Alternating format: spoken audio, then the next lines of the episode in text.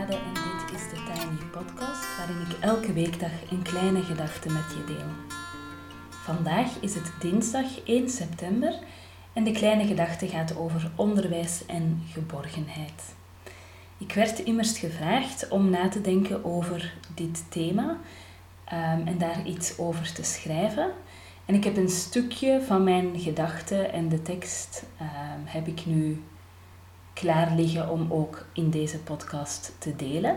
Want het is 1 september vandaag en dat is de dag waarop de scholen in België openen. In Nederland, um, ja, wij zijn alweer een paar weken bezig. In Nederland uh, start het schooljaar op drie verschillende momenten.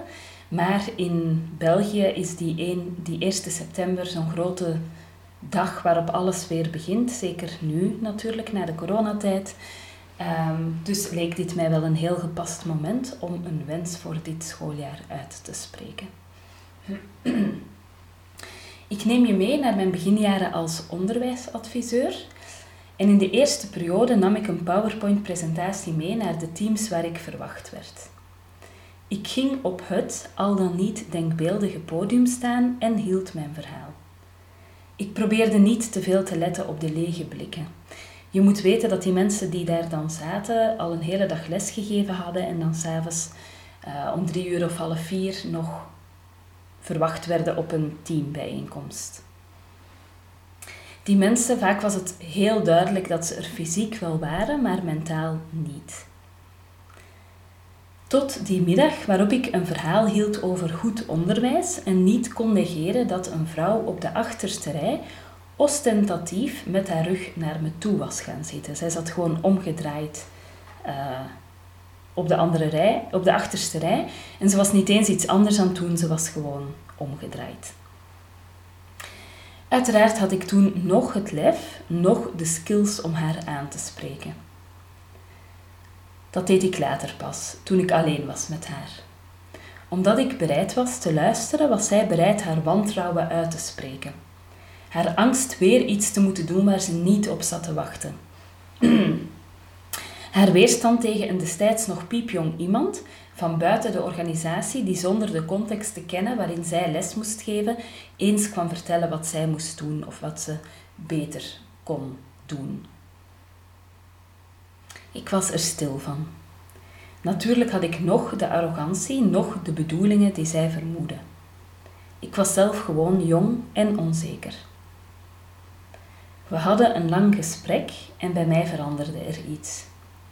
Zo goed en zo kwaad mogelijk leerde ik in het gesprek te gaan, in gesprek te gaan met de mensen waarmee en vooral waarvoor ik werkte. Niet veel later ging ik zelfs zonder PowerPoint werken. En dat voelde in het begin heel naakt, want daar sta je dan. Ik realiseerde me dat de manier waarop we werkten binnen uh, onze organisatie als onderwijsadviseurs niet altijd mijn manier was. Ik had een heel helder aanvoelen van wat belangrijk was in ons werk, wat ons te doen stond als adviseurs, hoe wij ons konden inzetten voor goed onderwijs. Een helder aanvoelen. Ik gebruik die term bewust omdat ik er destijds geen taal voor had. Ik realiseerde me dat ik taal moest vinden voor wat ik zo urgent voelde. Dat ik mijn PowerPoint wel achterwege had gelaten, maar dat ik niet toegerust was om een bedding te geven aan een teambijeenkomst op de manier die me voor ogen stond. En dat ik niemand kende die dat deed of kon, waar ik het van kon leren. Ik deed vruchteloze pogingen mijn kennis van de groepsdynamica aan te scherpen, maar vond ook in de groepsdynamica geen antwoorden. Tot ik op een weekend ging met alleen maar vrouwen. Het was alsof ik in een warm bad stapte. Waar ik van aanvoelde dat ik het in de wereld wou zetten, bestond daar gewoon al. Het was daar normaal. Ik volgde workshops. In de workshop Deep Democracy kwam ik in aanraking met een denken waarvan ik niet had durven hopen dat het bestond.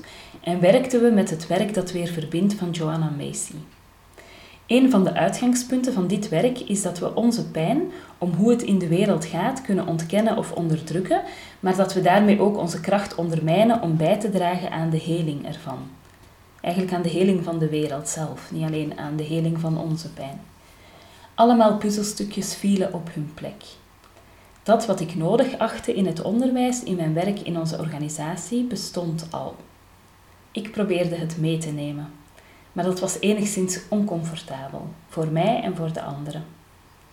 Met de teams waarmee ik werkte, creëerde ik eindelijk de geborgenheid die nodig was om veranderingen vorm te geven. Binnen mijn eigen team voelde ik een kloof. Ik streefde immers niet meer naar succes, hokjes afvinken, maar ik richtte me op zingeving, focus op de bedoeling van het onderwijs, het belang van de school als gemeenschap in acht nemend en gericht op de lange termijn. Ik was geen uitvoerder meer, werkend vanuit voorgegeven prioriteiten en accenten. Ik werd eigenaar en nam in mijn werk verantwoordelijkheid voor mijn professionele handelen vanuit een visie op wat van waarde is, waarin ik zelf accenten en prioriteiten aanbracht en zocht naar een goede, doch soms ongebruikelijke manier om dit te realiseren. Ik probeerde de controle los te laten en in vertrouwen te gaan staan. Ik liet de noodzaak om alles rationeel te beredeneren los en koos ervoor mijn intuïtief weten ook mee te nemen in mijn besluiten en in de stappen die ik zette. Hoewel doorpakken hoog gewaardeerd werd, efficiëntie is nog altijd natuurlijk um, ongelooflijk gewaardeerd. En we streven het met z'n allen bijna blindelings na om zo efficiënt mogelijk te zijn.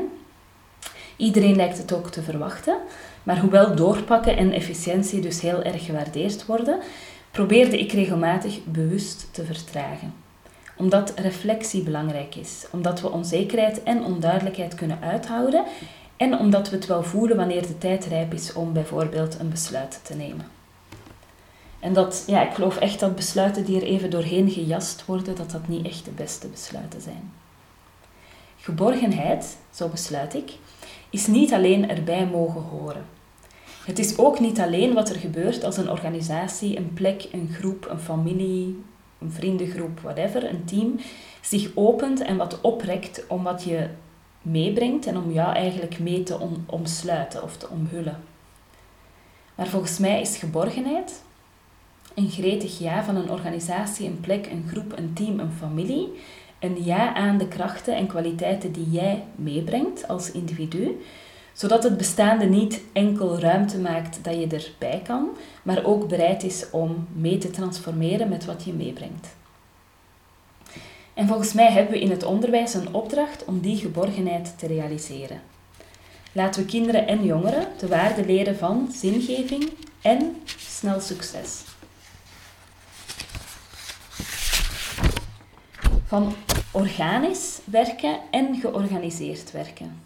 Van werken aan doelen en hokjes afvinken en van werken aan de bedoeling. Van controle en van vertrouwen zodat iedereen toegang heeft tot de geborgenheid van je niet te moeten stretchen in je aanpassing aan heersende krachten en kwaliteiten, maar welkom te zijn als wie je bent met alles dat je meebrengt.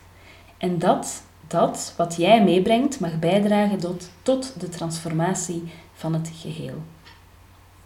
En ik wil graag besluiten met een klein citaat uit uh, De jongen, de mol, de vos en het paard uh, van Charlie Mackenzie, vertaling door Arthur Japin. Wat lijkt jou de grootste tijdverspilling? Jezelf met anderen vergelijken, zei de mol. Ik vraag me af of er ook een school is waar je kunt afleren.